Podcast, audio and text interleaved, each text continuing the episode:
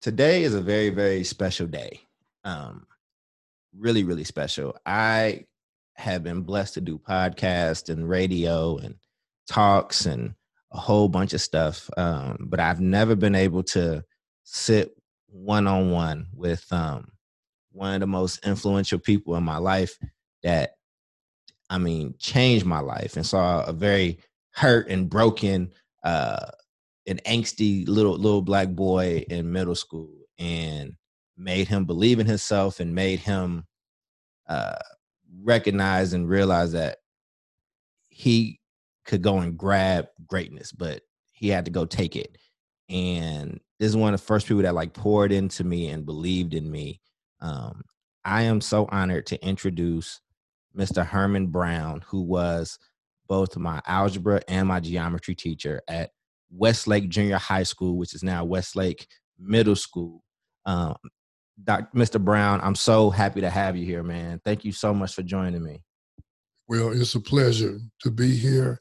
and forgive my uh, throat because um, as I said earlier, I was raising my voice, trying to send a message in the classroom to the students who wasn't paying attention and trying to get them focused and just stop teaching the lesson and start telling them about raising their consciousness level, about who they are, uh, where they are, and where they're going to be. And it was more important for them to self reflect about that and be aware and a lot of times, you know, just from your experience with me, that's that is what I will do. I will stop. I will stop a student and try to bring their consciousness level up for what is real. And I would say that always has been my primary objective, more than teaching the subject matter, because I grew up at a time when there was a revolutionary change in the 60s and we as a people were experiencing the civil rights movement. And that was a generation before me. But my generation was doing the Black Power movement. And I was influenced very heavily in 1963 by the teachings of Malcolm X. And when I heard that message, I said, I have to carry that message. That has to be my life work is to keep that message. And in uh, college, when I was uh, recruited to be a basketball player at St. Mary's College. I had a basketball scholarship there, and I had ambitions of being a professional at one time, like all guys did who could have made that uh, a reality. But during the, late 60s and the early 70s, the times for change was at, was at hand, and we needed black revolutionaries to make that happen. And not so much just being out on uh, on the arena, on the basketball court, making money and having people holler and hoop your name up. That wasn't for me. My heart and soul was we about being spiritual and about fighting the war against racism in this country and uh, maintaining the dignity that our ancestors had suffered uh, from all the stories I heard my mother uh, teaching my brother and I about plantations and slavery time that was handed down to her you know, oral tradition. And that was my dedication, uh, was to be a teacher. And fortunately enough, I did get a chance to meet you. And I would say this to anybody, anytime. It's my 43rd year of being a classroom teacher. And you are my number one student of all who I have tried to give this message to that you heard it and you carried it on and you're still uh, following the directive for us to keep passing the torch. And I'm so proud of you and honored just to be here right with you. It's just an honor for me to be with the student who I gave the message to that was given to me, that was given to somebody that gave it to them. This is our tradition of keeping our spirits and our objective and our fight going. So thank you for Man, being, thank, letting me be here. That's that's that makes me emotional hearing that. Um, you know, that is, I'm just honored. You know, rarely am I at a loss for words. So, you know, I, I just want to sit in that for a minute. You said you've been teaching for how many years? This is my 43rd year of being uh, with a contract uh, in the profession of being an educator, formal educator in the classroom, but I was a teacher for a year uh, on a substitute basis. So that would have been another year. And then another year, I was a, a, a teacher at McClymonds High School, where I graduated from. I was uh, a student teacher there. So for a total outside of being contracted, close to 45 years now. And that's a beautiful thing, man. I, I, when I met you, you know, I was in an interesting place as a young person. I was born in Chicago, lived in Kentucky, and you know, my parents struggled with you know substance abuse and incarceration and stuff. And you know, I was in and out of homelessness when I was a student in your class, and um, and I just remember, you know, when I got in your class, and I just remember this tall, like you know, black man with a deep voice that was jovial but serious at the same time that set high expectations from day one. I remember, you know, going to Mr. Brown's class and he said, listen, I know some of y'all think y'all big and bad and y'all might like to talk mess to each other and you think that I'm going to jump into a fight. I'm not doing it. I'm going to let you fight. I'm going to suspend you both and I'm going to continue to teach my class. And it's interesting because in my time at Westlake, there were a lot of fights. There was a lot of just craziness kind of happening. I'd never recall there being a fight in your class when I was there uh, for those two years, and uh, you just had you just commanded that type of respect.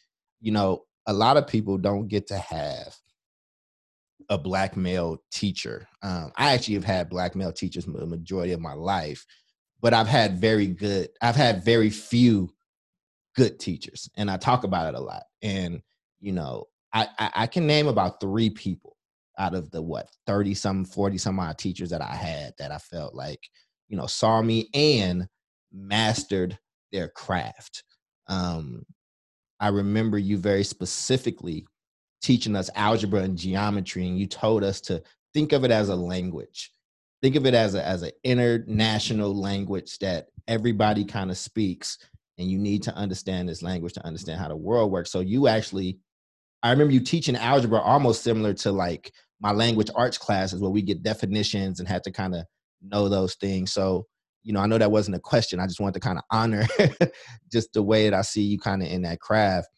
Um, my question would kind of be what like just compelled you just to be as good for so long as you have been in doing this work? I can honestly say it's all spiritual.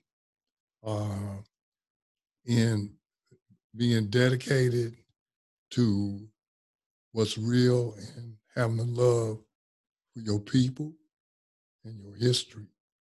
And as Malcolm, whose words that I heard just uh, took me to another consciousness level that went with the teachings that my mother used to tell my brother and I.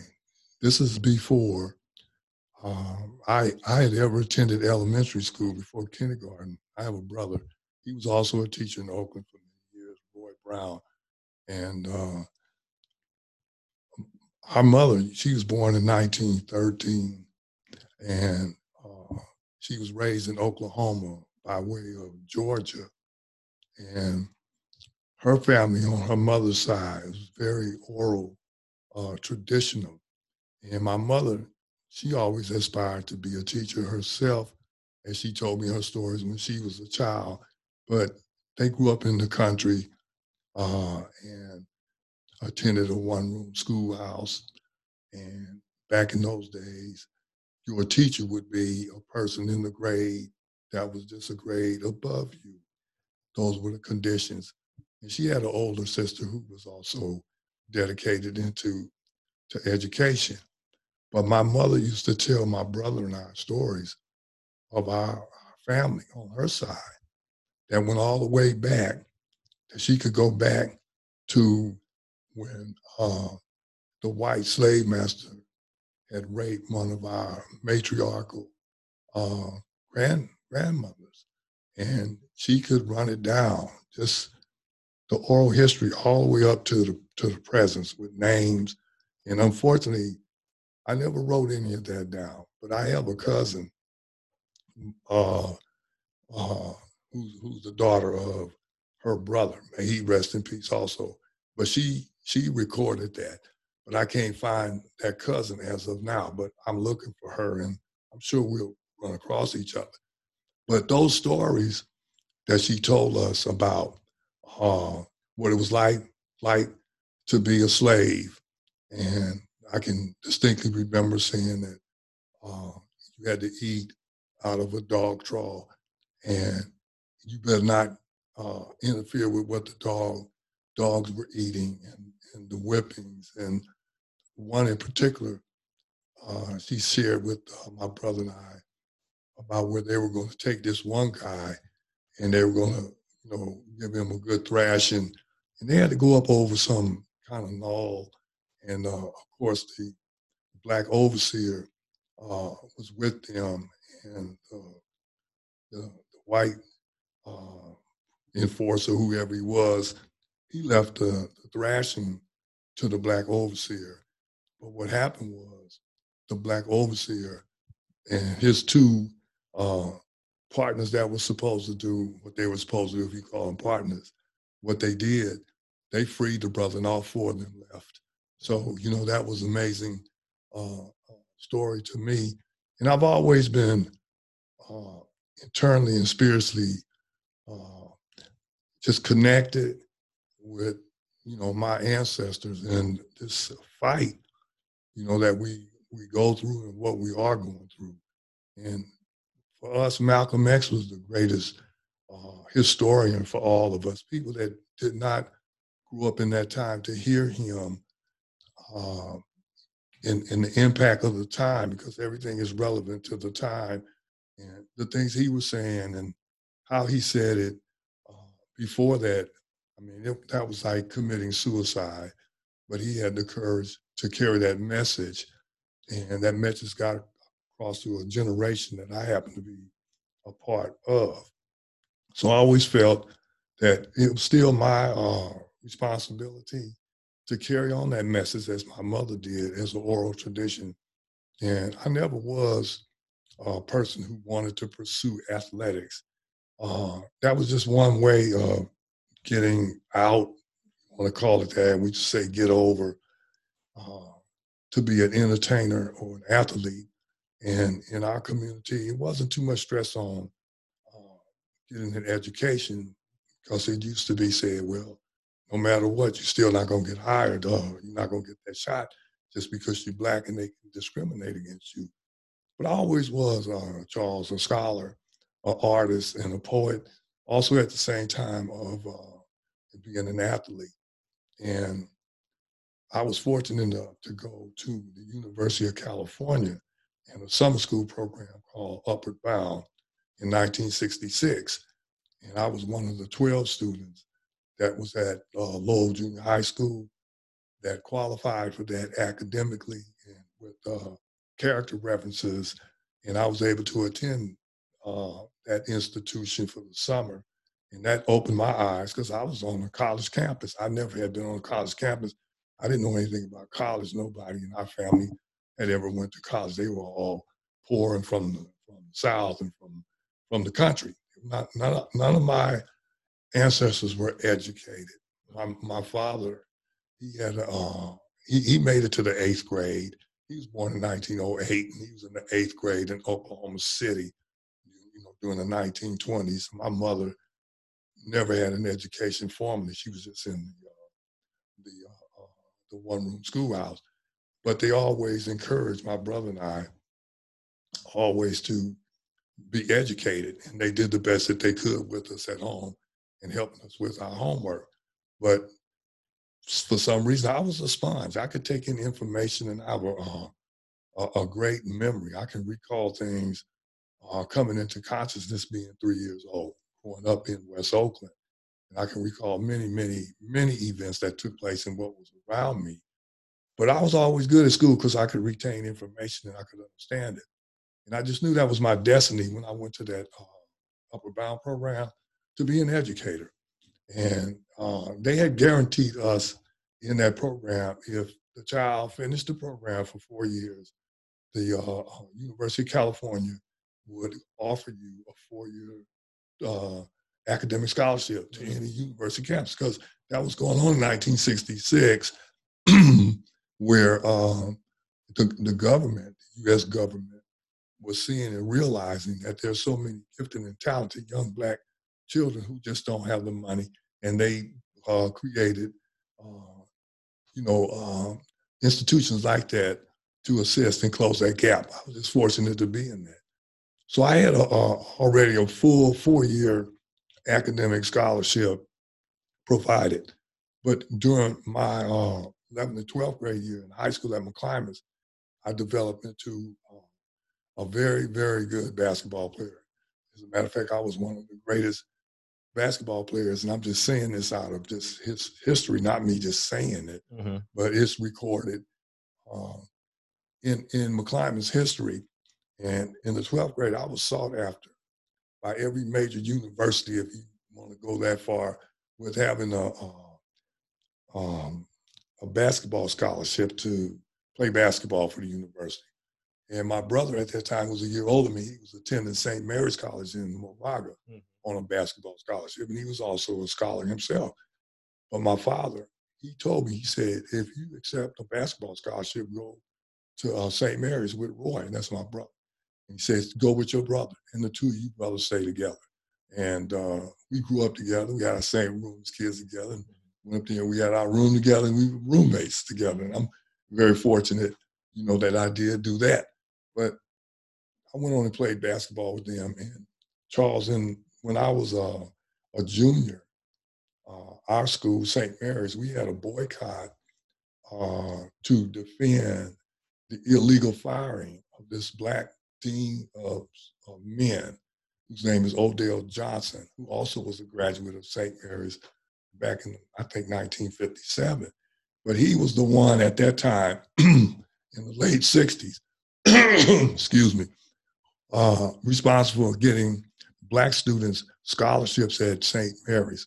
And I don't know if this is the time to talk about or the diverge of St. Mary's uh, uh, history of being a Jesuit Catholic school. It wasn't any people of color that was up at that school. So this was a new situation, and Odell Johnson was was responsible for getting people of color. And at that time, St. Mary's was still an all male institution. Mm-hmm. It was one of the last schools that went co-ed. It went co-ed the following year, I think it was 1971. But when my brother and I were there, it was all male, uh, male college still. But when they illegally fired Odell Johnson, a lot of students, not only black but white students, developed what they called the Odell Johnson Defense Committee. And we were going to make a protest about how they did that and why they did that because we all knew that, you know, he he, he just was doing too much for uh, St. Mary's at the time of pushing uh, black studies at school and changing the culture and the climate to be more uh, sensitive to people of color. So a boycott was arranged, and the basketball team at that time had agreed that we would stop playing. This is the entire basketball team at halftime and make a speech at halftime uh, to make uh, the Bay Area aware of what was going on in St. Mary's, because St. Mary's is an isolated uh, place. It's off in Moraga. It's, it's away from everything. It's just a, a, place into its own. It's a beautiful campus. But um, the fear came over the reprisals if anybody had done so. And uh, the majority of the basketball team backed out and said they were not going to do the, uh, the, boycott. But myself, my brother, and uh, two, three other guys, uh, Maurice Harper, Nate Carroll, and Alonzo Strange, we said we were still going to do the boycott and make the speech so that people would be aware. Mm-hmm. Uh, I was the person that delivered the speech uh, with the bullhorn at halftime and got a lot of boos from, you know, pe- people in the audience because we were Santa Clara and it's all white folks down there, you know. They were booing and hissing and all of that. But I made the speech and we got through and we all walked off the court and left the game. Wait, so you all protested in the middle of one of you all's games in the season Yes. At halftime, took the bullhorn, yes. and then walked off after that. Right. Yes. Yes. What what was the what were the consequences for that? The consequences were very severe. Uh, all all five of us were suspended. All all five of us were suspended for playing for the rest of the year. And uh, my brother and Al Strange, they were seniors, so that ended their final year of playing basketball. But they made that sacrifice because of what we were doing. And uh, myself and the other two players, Maurice Harper and Nate Williams, uh, Nate Carroll, I'm sorry, we were suspended the following year. There was a major threat uh, of taking away our scholarships for what we did. But the community rose up, uh, and there were a lot of people from around the Bay Area uh, who were aware of that and came up. I mean, powerful black people like my basketball coach from high school, Mr. Ben Tapscott, and others came up and they let uh, St. Mary's know that there would be a, a reprisal and an outcry if they took our scholarships. And St. Mary's did not. They didn't do it. And uh, they uh, gave us what they call a red shirt, which means that you could come back and play the following year. So I took the red shirt, came back and played the following year, and uh, finished playing uh, basketball. But I'm I'm saying this to lead into how I became an educator mm-hmm. was because I knew I didn't want to be a basketball player in the first place, and I had made a decision during that time. What I need to do is get my education and get a degree and go back and be a teacher in Oakland and make young people in Oakland aware of what is going on outside of where you live in your neighborhood. That is this uh, global uh, reality of history of racism against black people and to be dominated by capitalism. And if you as a young person are not aware of that, you're gonna keep tap dancing into the same old music. You're gonna end up being somebody's servant or you're gonna be a prisoner and you won't have any identity about who you what you are, and you're never gonna feel your full potential. Fortunately for me, I was exposed to uh, educators at St. Mary's and outside of St. Mary's at that time that elevated my consciousness above and beyond from what I had already learned from my mother's teaching and others uh, at, at high school during that time. So, uh, Charles, I became dedicated to that. And I didn't really care about playing any sports anymore for the rest of my life. It didn't mean anything to me. What meant to me was get a teacher's credential. You can't deliver this message out in a public forum because they will shoot you like they did Malcolm and like they did the doctor. They will eliminate you like they did us when we took a forum and made a stand said they will get rid of you. And I said, well, the only way to get around this is go through this system, this educational system, become educated, get a, a credential to teach, and go into the classroom. And it was at that time uh, where uh, I made the decision to get a teaching credential in the state of California. And I have to say this in all honor and respect and the truth that St. Mary's College at that time respected the position that I took and they gave back to me. And they allowed me to attend uh, the education program at St. Mary's College to get my teacher's credential, free tuition, and free room and board at the school. Wow. And if St. Mary's had not done that, I would not have had the money to afford to do that. But they gave back. And I'll say that about St. Mary's to this day at any time. If it not had been for them, that after I had spoke against what was going on, that they reconsidered my position. I was no longer infamous, but they respected it and they uh, awarded me back an opportunity to do something with uh, what uh, what they had to offer in their institution. And I did receive my uh, uh, qualifications in their educational program. But just to step back for a second, Charles, the final year that I did play uh, for St. Mary's after the suspension, I was the Northern California uh, player uh, of the week three different times. and there were uh, two NBA teams that were interested in drafting me: mm-hmm. the Lakers and the Chicago Bulls. And towards the end of the year, after the season was over with, this is after the boycott. This is when we came back and played that final year when I was able to play again. I had an agent, Charles, come to me to meet me in my room. I didn't even know he was coming, but he knocked on my door, door, door and introduced himself to me. And he was an agent that would negotiate draft contracts. And he was from Tahoe. He showed me his card. Young white dude. He's about 24, 25. He might have been older than that. He just didn't look it, but he was cool. And he said, Can I represent you in the draft?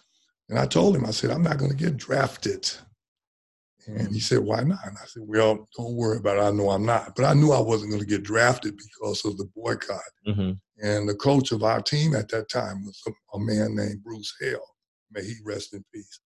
Bruce Hale was the father in law of the famous Rick Barry, who played for the Warriors. Mm-hmm. Okay.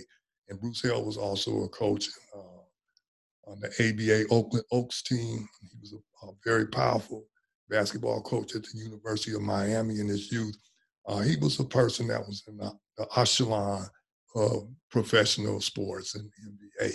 And he warned me before I went out there to make the speech. He said, Herm, he said, you're going to regret doing this. Don't do this. You'll regret it. And I looked at him and I said, uh, Coach, I got to do this. This has to be said. Somebody has to say this. So I knew from his warning with the clout he had and the power he had, I knew the, the NBA would blackball me. I already knew that was coming. But this guy, Charles, he didn't know what I was talking about because he wasn't around at that time. But when he did come back up after the draft was over, and uh, he had told me before he went down, he said, the word is out that uh, the Chicago Bulls are going to draft you first round and the Lakers want to draft you second round. It didn't, it didn't phase me, Charles. Mm. That would have been my dream come true once upon a time that I was going to be drafted into the NBA. But that didn't phase me. And he came back a day later and he told me, he said, I couldn't believe it. He said, I waited around, I waited around to the 10th round and your name never came up. Mm-hmm. I, I, I, couldn't believe what, what was going on. So I told him the story and he said, wow, you were blackballed out of the NBA. I said, that's okay. But uh, I got another mission to do, not to go play basketball for somebody and grab rebounds or be a, a, a professional uh, make it to the pros and sit on the bench, you know, and mm-hmm. do that. I said, I got something else to do with my life. So I was through with uh, that whole idea of becoming uh, wealthy and famous playing sports. My mission was to do what I have done all these 42 years and 43rd year was just get this teaching credential, get back into Oakland. I wanted to teach at McClymonds. That's another story for another time why okay. I didn't get hired at McClymonds but I ended up being at Westlake. Mm-hmm. So that's where I uh, landed. And I said, this is my mission. And whatever subject that I teach, I'm always going to give the message of what we need to do beyond the subject. And that is to be dignified in our history, know where we are and who we are. And once we know that, then we can pursue the discipline of the lesson and take what we know and enhance it in that and own it. Mm-hmm. Own it, make it ownership. And when I used to teach you guys about math was a language, Charles, where I got that from was ancient Egypt mm. and their mathematicians and their scientists. But calling them Egyptians is, is inappropriate because that's the Greek name for our culture. Mm. They are Kemites. They call themselves uh, Egypt is, is the land of Kemet. And when you hear uh, Anglo phrases like alchemy or chemistry, that comes from ancient Egypt, the land of Kemet. And I knew from my studies and pursuits in their mathematics that they spoke and wrote in symbols. Mm-hmm. And math, math languages, symbols. And if you can read uh, below the surface of the symbol, then you can understand what the symbol is trying to tell you. And you don't have to analyze it step by step, but you in, embrace it and you uh, inherit it into your own consciousness. So that was my thing to you guys always was this is a language. And if you can understand this language, you can read it, you can write it, and you can think in it. Wow. So let me just get this straight because I never heard any of this while you were teaching us. I didn't know about that history. And I played basketball, and basketball was like, you know, my biggest motivator when I was that age. So you are are born into this family. Uh, you got roots in Oklahoma City, and where's your mother from? From Oklahoma by way of Georgia. By way of Georgia. So you know, because we are from from the South, and, and kind of came up through here. Then you had this kind of story time at McClymonds, and for those that don't know, uh, you would have been following a lineage, a basketball like royalty lineage of Bill Russell, who also went on to become a revolutionary and one of the best basketball players just to ever pick up a ball. Um, then you ended up playing ball at St. Mary's and, and, and had a really good career and actually put something on the line. It wasn't just talking or or or posturing. It was I have something of value. I have a path forward that actually can probably you know pull me out of poverty or i can put other people in different positions or i can make money. And you know you didn't make a ton of money in the nba at that time but it was still some good money and some relative fame.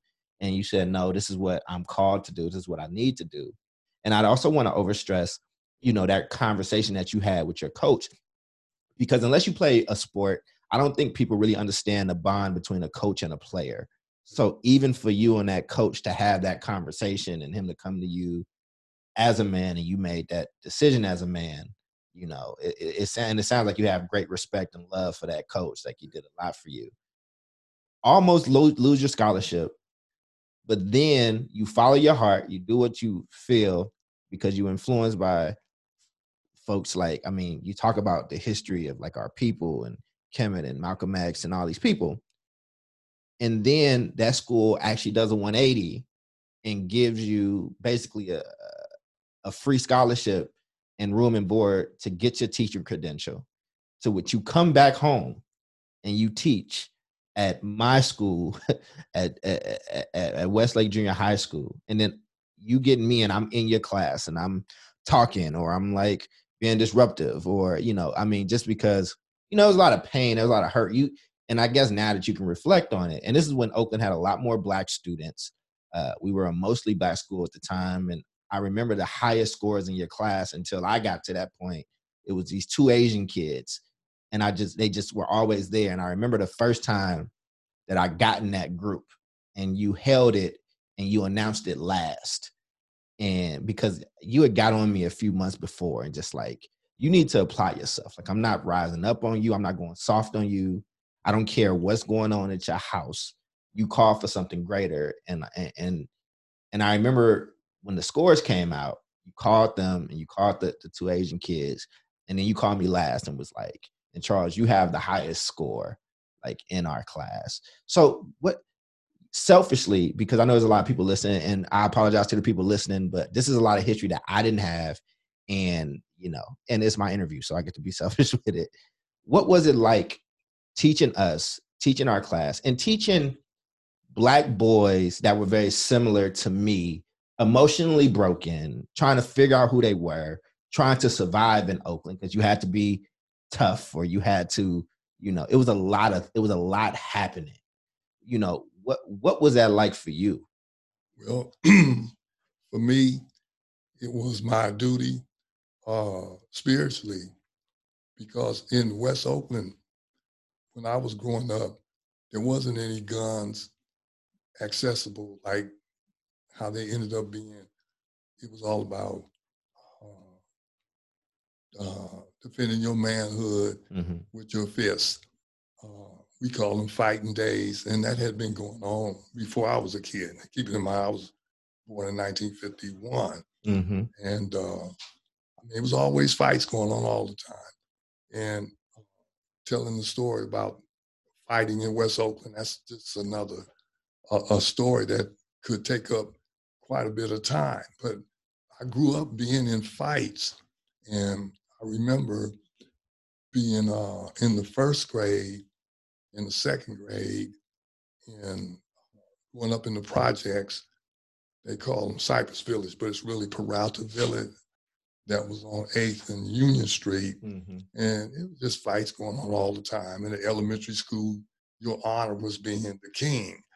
And that meant you could whip everybody at the school. So there was some dude. Did you go to Prescott? I went to Cole. You went to Cole, okay. Right. I went to Lafayette. Yeah. Okay, right. So our schools then were Cole, Prescott, Lafayette. Then it was another elementary school in the bottoms called Willow Manor. Mm-hmm. Okay, and then there was another school uh, that was over where that uh, 880 freeway was built called Tompkins. Mm-hmm. Those were the elementary schools that fed into Lowell, mm-hmm. which fed into McClymonds. But then farther uh, beyond DeFremery Park, uh, there were other elementary schools that went to Hoover. But I don't remember any of those schools right. whatsoever because they were not really in uh, West Oakland proper. But those were the days of fist fights, and you had to fight. And I remember at Cole, there was a friend, a guy, me and him ended up being the best of friends. But there was a 10 o'clock recess at school at that time, lunch, and then there was a 2 o'clock recess. This guy, and we saw each other, as a matter of fact, y'all, this guy, we saw each other about 20 years ago, and we both laughed about this incident I'm going to tell you. Mm-hmm.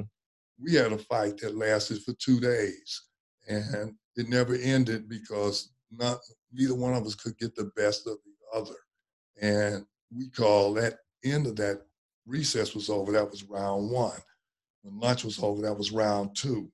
The two o'clock recess was over, that was round three. Then we came back the next day. See, this was crazy because instead of us playing and enjoying recess, we had to see who could whip the other person. Mm-hmm. I mean, that's how it was. And uh, usually after a fight, you become the best friends with the person you had a fight with because you got it out of your system. And in junior high school, I can remember at Lowell, guys were having a fight. Uh, this is where where what I told you, I'm not going to break it up. Mm-hmm. At, at Lowell, the, the, the, teachers wouldn't break it up. They say, okay, go to the gym. And you would go into the gym, and the PE coach would give you boxing gloves. And then the two of you would box it out. Because I watched uh, going through uh, being a classroom teacher after those days and watching a lot of the young boys that had you know something you had a chip on your shoulder you had to get it off with somebody you needed to get it out and i knew uh, just from growing up in west oakland with what it meant that you had to prove yourself as a man on what you were doing it wasn't about talking it wasn't about being a bully it was just about defending yourself and being uh, the teacher for you guys in the classroom, I knew from that my life, my own self, that this is how I grew up. I know exactly what they're going through. I know what problems they're having them moving from one uh, level to the next. That's called rites of passage. You know, that's an ancient cultural thing. I said, we all have to go through that. I said, I am here to try to assist them with their rites of passage and not to ever use an institution as a shield uh, to say, I can fake this out or I can uh, fool people because I know that this institution is going to stop the natural progression and then their culture is going to come in and try to redefine us and saying this is what you should be doing and what you should not be doing. So I said to myself, I'm to hold that tradition down as our culture and help the boys make it through and talk to them all the time. See, I remember you very well that uh, within uh, the, the guys that a lot of those guys, and I raised my right hand, I knew they were not going to make it. They didn't have the character, they didn't have the spirit. Something was gone. They just were not going to make it. Uh, and it's you can see it, you can tell it. I mean, I can still see it and tell as I'm teaching today. I know which one of those kids are going to make it. And I tell them, you're not, I tell them directly, but I say in general, uh, if you carry yourself a certain way, you're not coming to school to learn, you're not going to make it in this world. I said, but that doesn't need to be the case because you can change. I I can't change you. All I can do is encourage you. You are a student who I could encourage. I told you the truth about what was going on, what was around you, what you needed to do, and what you were doing, and what you have to do, and you have to change. But you listened. See, that's why I say out of all of the students that I had the opportunity to teach, and I'll just be more specific, you know, with black young boys, you are my greatest student that listened to the message. That wasn't my message. That was Malcolm's message. That was another message before him. I just carried that message down and passed it to you. You spiritually picked up on that message and you stopped doing what you were doing. I watched you. I watched you evolve. I watched you ascend. I'll never forget it because you internalized, not me being the uh, person that originated this mindset. I was just a messenger. I just gave you the spirit and the history, and you were able to take that in. And as you say, it changed you. It changed you because you heard the truth, and I stood there in front of you and gave you the truth. And I still that do that, Charles. Today is I know that I have to uh, be, or I put myself in that. I have to be the messenger. I have to be the beacon, the truth for, for our young black boys on on manhood, and, and this is what you have to be, and I surrender it. And I get a lot of challenges from, you know, kids all of the time, uh, uh not want to listen and turn their heads, but uh, or talk back to me. You know, I know all of that's going on, but still, I still hold it down, Charles, uh, unto this day, uh, to keep delivering that message and sending that message. So uh, just being a part of this this show right now, as you say, for how you feel, you just can't imagine how I feel sitting over here. Oh man, uh, up here saying, man, this dude right here, um, and we can't use profanity on the radio. I know you can. You can say whatever you want. Okay, but we own this. You okay, can do whatever you want. Okay, but being being the math teacher and at Westlake, you remember that Asian students were superior to us in far as grades were concerned mm-hmm. in the classroom. And uh, there you were. And I was rooting for you all the time because I couldn't come right out and just say, you know, shoot, I want Charles to kick the ass. Mm-hmm. And uh, I kept being harder on you, maybe more than I should have, but I wasn't. Stop it. I was relentless on you because you knew and could understand. And I used to say to myself, kick their ass, Charles, kick their ass. That's why I saved you for the last. Man, well, I, I, appreciate that. I know I got to get you to your friends' piece. Okay. I, I, it's so much stuff that I want to talk about, but just in closing, um, and just thank you for that story and thank you for that honesty and that truth. Just in closing, we've seen a lot of change in Oakland, and right now there's all this controversy between around charter schools or district schools, or as if like we just been having these great schools just forever, and you are finishing your career up at KIPP um, at KIPP Middle School, and you've been there for some years now. Uh, what what is it that you want to say to our community um, that might be engaged in petty arguments as opposed to keeping their eyes on the larger picture? What I would say, or will say to the community is this: is that the institution, no matter what, under what uh, guidelines or, or hierarchy that's over it, that's just bureaucracy the building where it exists and what monies maintain paying the rent and uh, the facilitation of that space. Those things we can't change, that's a given. But if that institution is providing a quality education for the child, it doesn't make any difference if it's a charter school or it doesn't make any difference if it is not. As long as that school is providing a quality education, hear my words, quality, that that school is uh, is supporting and making uh, making happen what I call the three requirements of responsibility in education that's on this so-called formal basis is that first of all, the school is to be held responsible for its curriculum, that it is aligned with the standards of the state or the nation. Now they call it Common Core. The school is responsible provide to provide any support for students who have academic and emotional needs. The school must be responsible for that. Secondly, uh, one more thing the school is responsible for hiring professional instructors and staff that are dedicated to fulfilling that mission of the school. Beyond the school, then the responsibility is on the parent. The parents in the community are responsible to make sure that their children at home are getting rest if they can, mm-hmm. and getting nutrition if they can, and to encourage and talk and uh, educate their children spiritually of what their responsibility is when they come to school to learn. The parents should be uh, asking and uh, researching their child's day. What did you do today? What do you have to do this evening? The parent must be involved directly with the child, that the child knows that his or her parent is a part of them coming to school to be successful.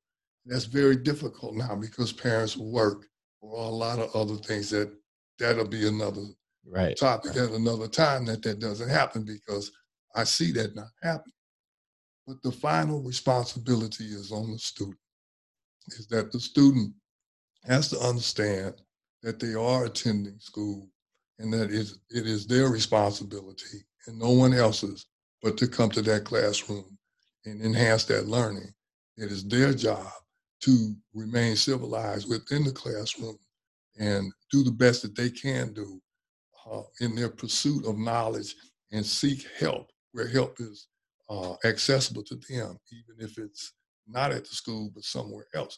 But those three components all together, they create uh, a reality that would promote a greater degree of success. So wherever a school that exists like that, be it a charter school or a non-charter school, that's where a child should be. Man, that was a way, perfect way to end it. We have to do this again. I will come to you. We can figure it out. Man, I love you. Thank you so much for that. I'm humbled. Um, again, I've done a ton of these interviews, a ton of these talks. This is by far the most special. Um, so thank you very much for this blessing. Okay, Brother Cole, and to the audience, Mr. Brown, that's me, Herman Brown. I'm a native son of West Oakland 1951. It's my 43rd year of being a classroom teacher. And I will say this it's an honor for me to be in the presence of my finest and greatest student that I ever had an opportunity to teach. I'm so proud of him because my generation, we all knew we had to pass the baton, and it got passed. And I'm so proud of that. Man, Thank my you, God. Brother. Thank you so much. I'm very, very humbled. Y'all been listening to Mr. Herman Brown. I'm Charles Cole, and I can't wait till we do this again. All right, brother.